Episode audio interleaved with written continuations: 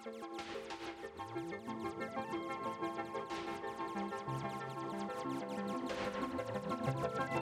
og velkommen til en ny episode med Biologi kjemiologi. I dag så har jeg en utrolig spennende episode til dere. Vi skal nemlig lære om DNA, evolusjon og en ekstremt fancy bioteknologi, nemlig CRISPR. Med meg i dag så har jeg Anders DNA, eh, ekspert på DNA fra DNA-instituttet i Boslo. Hei alle, hei alle sammen. Og vi har også fått med oss Jon Genius, ekspert på gener og evolusjon fra Evolusjonsinstituttet i Nord-Korge. Vi skal også snakke med to andre om CRISPR-teknologien, men de kommer på litt seinere i programmet. Men nå skal ikke jeg bruke så lang tid her på å snakke og på å starte og bladdi, bladdi, bladdi, så la oss bare komme i gang. Så, Anders DNA. Hva er egentlig DNA? Nei, eh, altså hva er DNA? Eh, DNA står for eh, deoksyribodukleinsyre og er på en måte oppskriften på alt liv. Eh, alt som lever, har DNA i kjernen av cellene sine. Gener i DNA-et bestemmer f.eks. øyefargen hos mennesker, høyde, hårfarge, blodtype og mye, mye mer. DNA-et inneholder faktisk all informasjon om deg, og ligger lagret i det vi kaller gener. Eller gener sitter i DNA-et. I DNA, mener jeg. Eh, og alt dette her ligger i en supertynn tråd som kalles en helix, eller en dobbelttråd helix, faktisk. Um, og det er faktisk rundt to meter DNA i hver enkelt celle. Ah, så det er alltid sånn DNA bestemmer over hvordan hele kroppen skal se ut og fungere. Det stemmer. Ok, men, men for å gå litt tilbake. Hvordan, hvordan er egentlig dette DNA-et bygget opp? Jo, det skal du få høre. Som jeg sa i sted, er DNA formet som det vi er på, på fagspråket kaller en dobbelthelix. Det betyr at det er to tråder som snurrer rundt hverandre i en slags spiral. Eh, eller 3D-spiral, da. Eh, på hver tråd så sitter det små byggesteiner som kalles nukleotider. Eh, nukleotidene eh, består av en fosfatgruppe, et sukkermolekyl som heter deoksyribose, derav navnet, og en nitrogenbase. Det finnes fire, fire ulike typer nitrogenbaser som brukes i DNA-et, og disse da heter adenin, tymin, cytosin og guanin. Vi pleier å referere til disse med forbokstavene A, T, C og G, eh, eller basene, da. Vi kan tenke at DNA-ets dobbelthelix har trinn på hvert tråd, som samsvarer med trinn på den andre tråden. Eh, på hvert trinn er det da et nukleotid, som vi kaller en base. Dette binder seg med nukleotidet på den andre tråden gjennom en hydrogenbinding. Resten av nukleotidet, som ikke er nitrogenbasene, er byggesteinen i tråden. Men det er ikke helt tilfeldig hvordan disse basene binder seg sammen. Uh, adenin kan bare binde seg til tymin, og cytosin kan bare binde seg til guanin.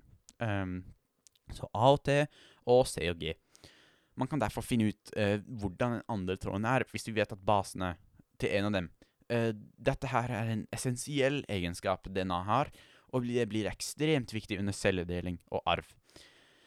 DNA i selen ville tatt utrolig stor plass om det lå løst, og derfor er DNA i selen kveilet rundt proteinkuler som heter histoner. Eh, dette blir altså det vi kaller et kromosom.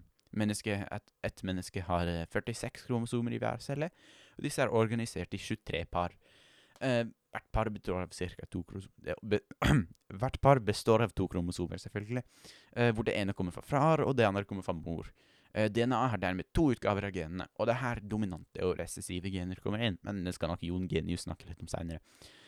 Kjønnsceller, sædceller hos menn og eggceller hos kvinner har derimot har 23 kromosomer, for de skal smelte sammen med kjønnscellen til en annen person, og dermed bli 46 til sammen.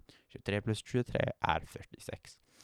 I sjeldne tilfeller så kan det komme, forekomme feil i denne prosessen, som kan føre til kromosomavvik, noe som betyr at en har et kromosom for mye eller for lite. Eh, Et av de vanligste her er Downs syndrom, der man har totalt 47 kromosomer. Hmm, det der var mye info. Nå tror jeg vi må ta en liten, en liten kjemipause akkurat, og lurer på hvorfor Altså, hvordan Når lærte vi litt om, om Når lærte vi egentlig om DNA? Når, når var det vi fant ut av sånne ting, liksom? Kan du fortelle oss litt om sånn historien til DNA, og hvordan utviklingen har gått opp gjennom årene? Selvfølgelig.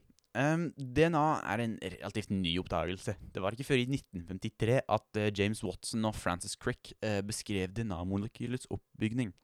Men allerede lenge før 1953 hadde forskere debattert om det var DNA eller proteiner som bygde opp ar- arvestoffet hos mennesker. I 1869 oppdaget den sveitsiske forskeren Friedrich Mischer um, molekylet nuklein i menneskets hvite blodceller. Uh, nuklein ble senere endret på til nukleinsyre. Eh, Den oppdagelsen la da den vitenskapelige grunnmuren, kan man kalle den, for all forskning fremover.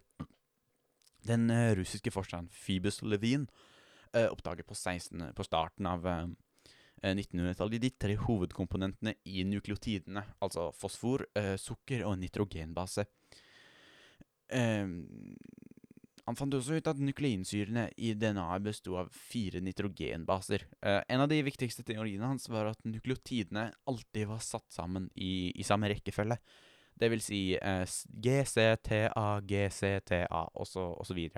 Dette viste seg å være feil senere, men det var fortsatt en viktig teori eh, på tidlig i forskningshistorien. Eh, de neste tiårene inneholdt mye forskning innenfor feltet, som la opp til Watson og Cricks eh, beskrivelse av DNA-molekylets oppringning. Blant annet, oppdaget, eh, blant annet oppdagelsen av at det kun er adenin og tymin som kan binde seg, og guanin og cytosin. Og Chagraffs regel, som sier at det er like mange AUG-baser, eller puriner, som T- og C-baser, som er da pyramidiner. Eh, etter, oppbygg eh, etter oppbyggingen av DNA var beskrevet, har det blitt gjort mye forskning som bl.a. fant ut at DNA kan faktisk tre forskjellige konform konformasjoner på fagspråket. da. Eh, A-DNA, B-DNA og Z-DNA, hvor BDNA er det mest vanlige. A- og Z-DNA har små variasjoner fra B-DNA og oppstår i noen sjeldne tilfeller. Men, men, men, men, forskningen stoppa ikke der. Mange forskere ville finne ut at menneskets genom Eller finne ut av menneskets genom. Et genom er da hele DNA-sekvensen til en organisme. I 2003 klarte uh, The Human Genome Project det. De hadde sekvensert og kartlagt nesten hele det menneskelige genomet. Dette kan og har de hjulpet oss med å forstå hvordan fung mennesket fungerer, og hvordan vi kan f.eks. beskytte oss mot sykdommer. Men ca. 8% av genomet var ikke kartlagt, eh, siden teknologien til å finne akkurat den informasjonen den eksisterte ikke på tidlig 2000-tallet. Men den gjør det nå, eh, og for under to måneder siden, den 1. april faktisk, publiserte eh, Telomere to Telomere-konsortiumet hele det menneskelige genomet, bortsett fra i kromosomet, da. Prosjektet la til 200 millioner bokstaver med genetisk eh, kode. Altså disse bokstavene er da de ATCG. Så 200 millioner av dem er ganske mye. Menneskets genom består dermed av hele 3 milliarder og 54 millioner basepar. Eh, Det er da ett basepar er da AT, AT. Det er ett. Og så CG et annet. Da er man to. De klarte dette nettopp ved å bruke nye metoder som kunne lese lengre og lengre eh, setninger med DNA uten at det går på bekostning av nøyaktigheten. Oi! Tre milliarder basepar, gitt. Det er helt sykt at vi nå kan gå gjennom og lese hele det menneskelige genomet. Det er faktisk helt sykt. Det, det er tydelig at utrolig mye tid og arbeid har gått ned i denne forskningen, men nå lurer jeg litt på, og sikkert våre lyttere, da, eller ja, sant? Hvordan, hva gjør egentlig DNA i kroppen? Altså, hva gjør kroppen med DNA-et?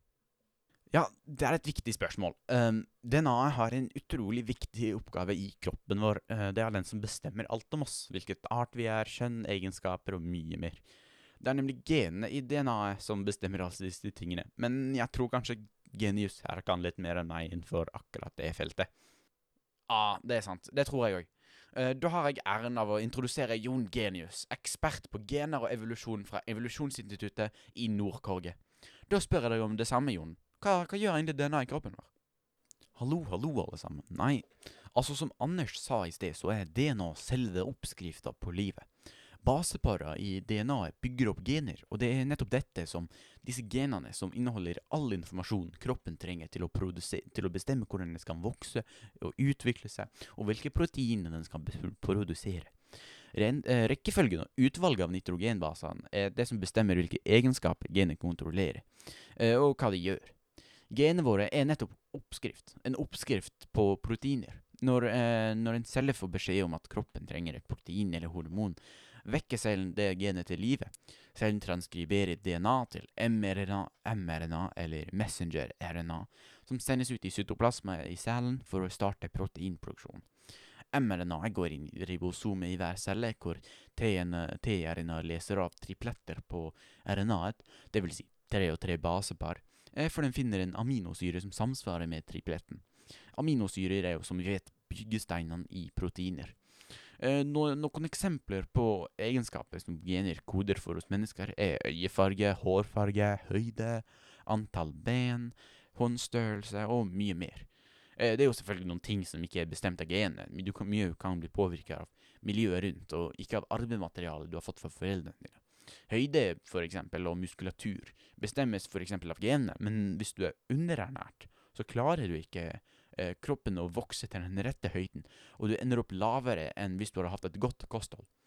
Andre ting som påvirker genene, men som også kan bli påvirket utenfor, er vekt, fettprosent, forbrenning og personlighet. Eh, vi har ca. 25 000 gener i genomet vårt, og ca. 3 milliarder eh, basepar. Det er jo samme som Anders sa tidligere. Eh, størrelsen på genene, eh, altså hvor mange basepar som er, som er i hvert gen, varierer. Noen gener er så små som bare 150 basepar, mens andre er på over en million basepar. Genene ligger i kromosomet, og siden vi får halvparten, altså 23 kromosomer, av arvematerialet vårt fra eh, far og resten fra mor, har vi to like sett med gener i ett kromosompar. Det er her vi kommer inn på recessive og dominante gener. Et dominant gen er sterkere enn et resessivt gen, og dermed vil egenskapen genet gir, komme fra det dominante genet. Blå øyne, for eksempel, er et resessivt gen, mens brune øyne er et dominant gen. Så hvis du får blå øyne fra mor og brune øyne fra far, så får du brune øyne, siden de brune øyne-genet er sterkere enn det blå øyne-genet. Eh, disse fysiske egenskapene til et individ kalles fenotyper. Oh, det der var skikkelig interessant, men, men, men nå må vi litt, gå litt vekk fra det, det molekylære her, da og litt over til noe annet. Du er jo ekspert på evolusjon òg, i, i, tillegg til gener. Eh, kan du fortelle litt om det? Ja, selvfølgelig kan jeg snakke om det. Eh, evolusjon er jo ekstremt interessant, og det er mye der vi også kan snakke om. Ja, kanskje gå litt fort gjennom det. Vi har, vi har, vi har mye vi skal gjennom. Eh, jeg skal, skal kjappe meg. Evolusjon handler jo om hvordan organismer utvikler seg over tid. Den viktigste mekanismen i evolusjon er naturlig utvalg. Naturlig utvalg går ut på at uh, individene uh, uten, innenfor en art kan være forskjellige, og at dette her kan være bitte, bitte litt forskjellig. Og at dette her går gjennom, gjennom tusenvis av år, kan utvikle arten til å bli mer overlevelsesdyktig, eller til å bli til en helt annen art over mange tusen år. da. Uh, når en generasjon viderefører sitt arvemateriale til neste generasjon, kan det forekomme uh, forskjeller og små mutasjoner i, av, i arvematerialet. De med gunstige mutasjoner, altså en mutasjon som gir en, en, fordel over de andre individene i arten, har større sjanse for å overleve, og derfor viderefører sitt arvemateriale til neste generasjon. For å ta et eksempel her, da, så eh, hvis en sjiraff blir født med lengre hals enn en annen, kan den spise blader som henger høyere oppe enn andre sjiraffer, og dermed får mer mat enn de andre. Og vi kan si at sjiraffen dermed har lavere sannsynlighet for å dø, og høyere sannsynlighet for å videreføre sitt arvemateriale. Uh, etter mange mange generasjoner med slike små mutasjoner kan en art ende opp med å se helt forskjellig ut. Kanskje har alle sjiraffene noe mye lengre hals uh, for å få, ta, få, tak i enda flere blader. Men da kommer jo også trærne til å bli høyere, siden sjiraffene spiser opp alle bladene til de lave trærne, noe som fører til at kun de høyeste trærne får overleve og videreføre arvematerialet sitt. Genene som gir sjiraffene lav høyde, vil bli luket sakte ut gjennom naturlig seleksjon, og siden man får arvematerialet sitt fra foreldrene, så vil de senere generasjonen også få færre gener som gir lav høyde. Så det var Darwins evolusjonsteori, ja. Men, men hva er det som forårsaker disse muteringene i arvematerialet? Årsakene til at en art forandrer seg, kan være så mye som mange.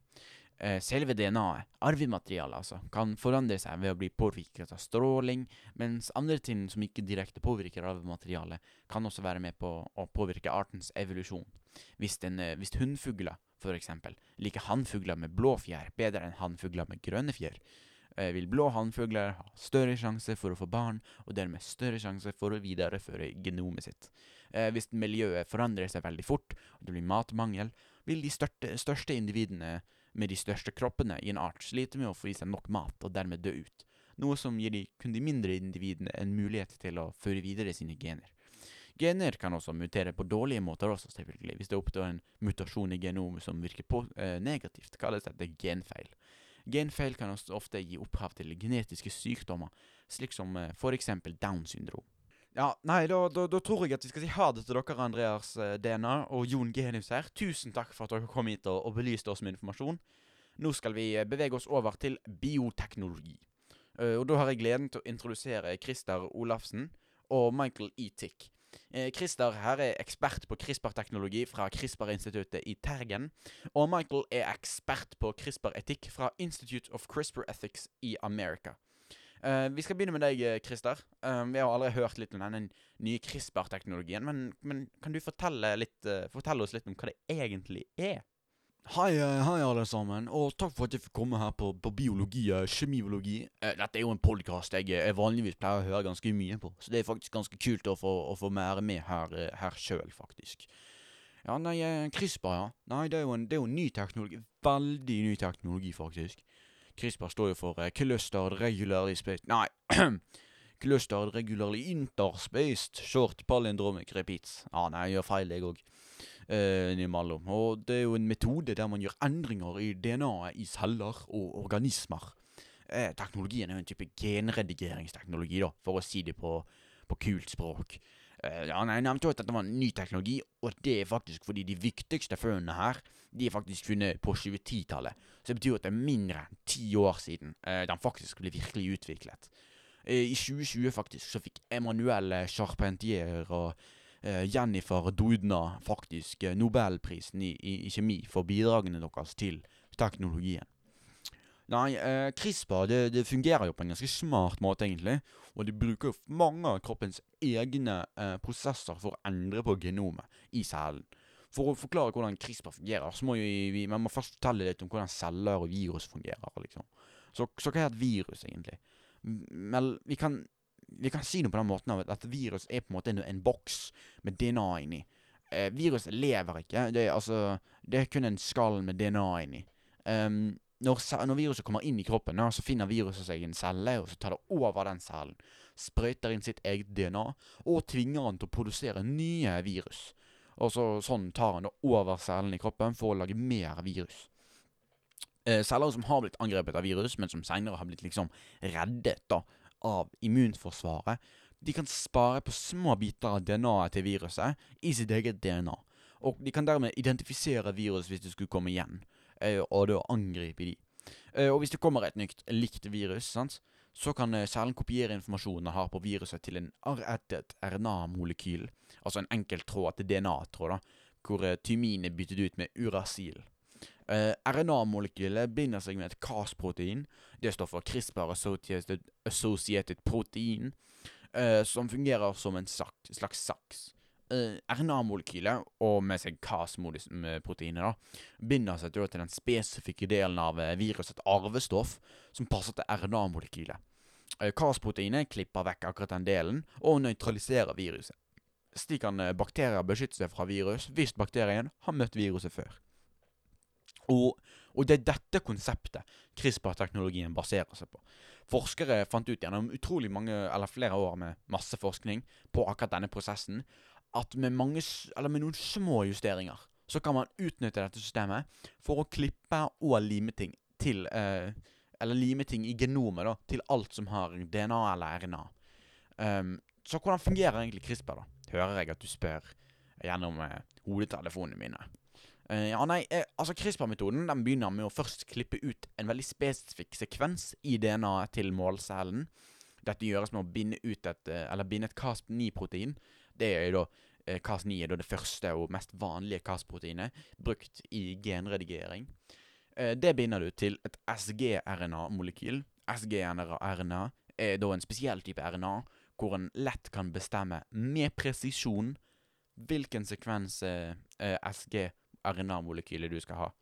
Så du kan, kan, du kan på en måte bestemme at det skal være, først skal være A, og så skal det være C, og så en C til, og så en, og så en A igjen. Um, ja. Eh, og da, dette SG-RNA-molekylet da, det binder seg til mål-DNA-et, og så Cas-proteinet, som da sitter på SG-RNA-molekylet, klipper vekk den aktuelle sekvensen. Men nå, nå kommer det kule. Dette her er det jeg syns er ekstremt kult med Cas her. Nei, med, med, med, med CRISPR her, ass. Og det er siden sånne kutt og skader på genomet og DNA-tråden da, skjer eh, relativt ofte når DNA-et kopieres og transkriberes i cellen, så har cellene et spesielt reparasjonssystem eh, som kan fikse sånne ting. Vanligvis så er dette ganske Det er litt unøyaktig og sånt, da bare kaster et eller annet sammen for å passe på at det ikke blir helt ødelagt. Eh, og man kan noen ganger ende opp med at eh, det faktisk inaktiverer genet, sånn at det slutter å funke. Men med, hvis forskere kan sette inn en spesiell DNA-sekvens i disse reparasjonssystemene, så kan kroppen finne hullet Cas-proteinet lagde, og så kan det reparere det med DNA-et vi satte inn tidligere. Og vi har nå klippet ut en sekvens og erstattet den med en, en annen. Og, og, dette her er CRISPR-teknologien. Mulighetene med denne her, operasjonen det, de er utallige. Uh, altså, ok, ok, det der hørtes faktisk utrolig kult ut. Eh, altså, Hvordan vi har klart å utnytte kroppens egne prosesser på en måte da, til å kunne endre på vårt eget arvestoff, det er faktisk sykt fascinerende. Eh, altså, Nå har vi sikkert alle hørt om alle de sinnssyke mulighetene som CRISPR gir oss sant, fra, på, på, på, sosiale medier og på internett. Men kan du fortelle oss litt om de? Altså, Hva kan man egentlig bruke CRISPR til? Ja, nei, altså, CRISPR kan jo brukes til utrolig mye. Egentlig så kan vi bruke CRISPR på alt som lever, uh, eller alt som har DNA, til og med. Vi kan bruke CRISPR til å øke produksjonen av mat, eller gi mat egenskaper en ikke har. Det kan, dette kan være ting som sykdomsresistens eller lengre holdbarhet. Vi kan lage bakterier som lager spesielle stoffer vi trenger til industri eller mat. Vi kan faktisk også endre på dyr for å gi utrydningstruede dyr mer mulighet for å overleve. Vi kan uh, gi, og endre på mennesker òg, faktisk. Dette det er litt kult. Vi kan f.eks. gi høyere intelligens, uh, mer aktiv, attraktiv kroppsfasong, uh, resistens mot sykdommer, fjerning av genetiske sykdommer og, og, og mye, mye annet kan oppnås ved hjelp av genredigering. da. Det er jo selvfølgelig mange etiske spørsmål og dilemmaer som må overgås, men jeg antar at Tick her skal snakke mer om akkurat de. CRISPR kan jo brukes mye innenfor medisin òg. Og akkurat nå så utvikles det faktisk tester som kan påvise RNA fra virus, uh, fra spytt, uh, fortere og bedre enn nåværende tester. vi kan altså bruke genredigering for å få laget celler i immunforsvaret til å angripe kreftceller, eller reparere feil i genomet, som kan resultere i genetisk sykdom. Hvis vi bruker, med systematisk bruk liksom, av genredigering, så kan vi jo prøve å se hva som skjer om en endrer, eh, skrur av eller på enkelte gener i en organisme. For å se hva som skjer. Eh, se hva som skjer. Så eh, som dere sikkert skjønner, så er det utrolig mange muligheter bak eh, CRISPR-teknologien og eh, genredigering eh, generelt. Alle de mulighetene Altså, det blir utrolig interessant å komme tilbake til dette her om en, om en ti år eller noe sånt, og, og se hvor vi befinner oss da. Men, men, før vi kan benytte oss av genredigering til å gjennomføre alle disse utrolige tingene, da, eh, eller ja, sinnssyke tingene, så må vi jo gjennom noen etiske problemer. Eh, og nå har jeg gleden å introdusere Michael E. Tick. Michael, du er ekspert på CRISPR-etikk, og da er det vel naturlig å spørre deg. Kan du fortelle oss litt om de etiske problemstillingene vi møter når vi begynner å tukle med selve oppskriften på livet? Ja, selvfølgelig kan jeg det. Eh, unnskyld, alle sammen, for dialekt. Jeg har ikke bodd i Norge lenge nok til å, å snakke språket helt perfekt ennå. Det er mange etiske problemer med genredigering. Eh, siden vi snakker om etikk, så kan jeg ikke gi dere svaret, selvfølgelig. Men jeg kan gi dere spørsmålene. Iallfall noen. Eh, en av fordelene med genredigering er å kunne endre planter og dyr for å lage mer mat mer bærekraftig. Men er det etisk riktig å endre på naturens gang og milliarder av år med utvikling bare fordi man vil ha mer mat, er det etisk riktig å ikke endre på f.eks. planter for å produsere mer mat mer bærekraftig, blir kostnaden med, ved å ta vare på na naturens naturlige gang for stor uh, når det gjelder å beskytte oss mot klimaendringer. Hva med, mennesker? Skal vi kunne endre på et foster i magen til mor for å fikse genfeil eller, fikse, eller fjerne genetiske sykdommer? Hva skal vi gjøre når noen vil det kommer til å skje? Når noen vil bruke genredigering til å endre på det kosmetiske, altså de fysiske egenskapene som høyde, hårfarge, intelligence etc. Eh, hva skjer når barnet vokser opp og, og lærer at uh, foreldrene hadde mulighet til å endre på barnet før det ble født? Vil barnet være tilfreds med de eventuelle endringene, eller vil dette skape konflikt mellom foreldrene og barnet? Er det etisk riktig å ikke endre på et barn om man ser at det vil bli annerledes? Skal vi fjerne unikhet fra, fra samfunnet fordi det er annerledes, eller fordi det ikke er genetisk perfekt? Hvis vi begynner med genredigering, så kan det hende at vi begynner å skape et sorteringssamfunn, hvor eh, de rike blir genetisk bedre, altså mer attraktive, høyere intelligens, sykdomsresistens og ingen genetiske feil pga. de har råd til å gjøre genredigering på sine egne barn og lage superperfekte barn. Altså, dette kan føre til at fattige ikke klarer å komme seg ut av fattigdom, fordi rike folk er genetisk bedre kvalifisert til alt. Og det, de vil jo da få barn sammen med andre rike folk som er eh, som ikke har, kan ha noen sjanse for genetisk sykdom eller noen ting. Altså, altså hvordan vil dette skille eh, de rike og de fattige? Eh, hvordan dette vil skille rike og fattige land også? Det vet vi ikke. Vi må finne ut av det. Men man kan argumentere for at genredigering av mennesker, utover kun retting av genetiske sykdommer, kan resultere i et betydelig mer splittet samfunn.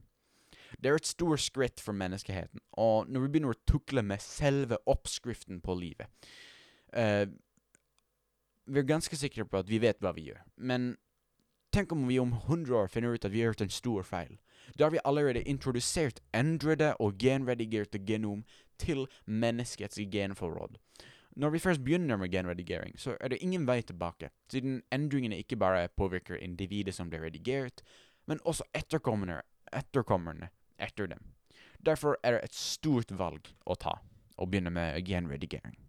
Oi, ja, det der var, det der var mange spørsmål. Det, det, er nok en del vi må gjennom før vi kan begynne å bruke dette her. Mye. Eh, nå håper jeg at dere lyttere får masse å tenke over på vei til jobb eller andre steder hvor dere hører på oss. Eh, men før vi sier ha det, så tenkte jeg å snakke bitte litt om hvorfor jeg valgte å ha om akkurat CRISPR-teknologien. Jeg, eh, jeg syns dette er en utrolig interessant teknologi, og med alt den lover og alt, alle mulighetene vi har hørt om, så virker det Det er så kult hvordan det alt bygger på den enkle prosessen som allerede er i kroppen. Det syns jeg er veldig kult. Derfor vil jeg liksom ha noen folk på podkasten som kunne snakke med meg om dette her og, og belyse meg og dere. da. Uh, og jeg syns det, det, er interessant hvordan kanskje, eller en så enkel prosess på en måte kan ha så store man, Det kan være så mye makt og så mye eh, egenskaper, ting vi kan gjøre. Uh, så mange muligheter. Men samtidig så er det jo òg ekstremt mange etiske problemstillinger vi må gjennom. Det, det, er, mye, det er, mye, etikk her, uh, og det, det syns jo jeg personlig er ganske gøy. da. Så det var derfor jeg valgte å ha om, om akkurat CRISPR-bioteknologien.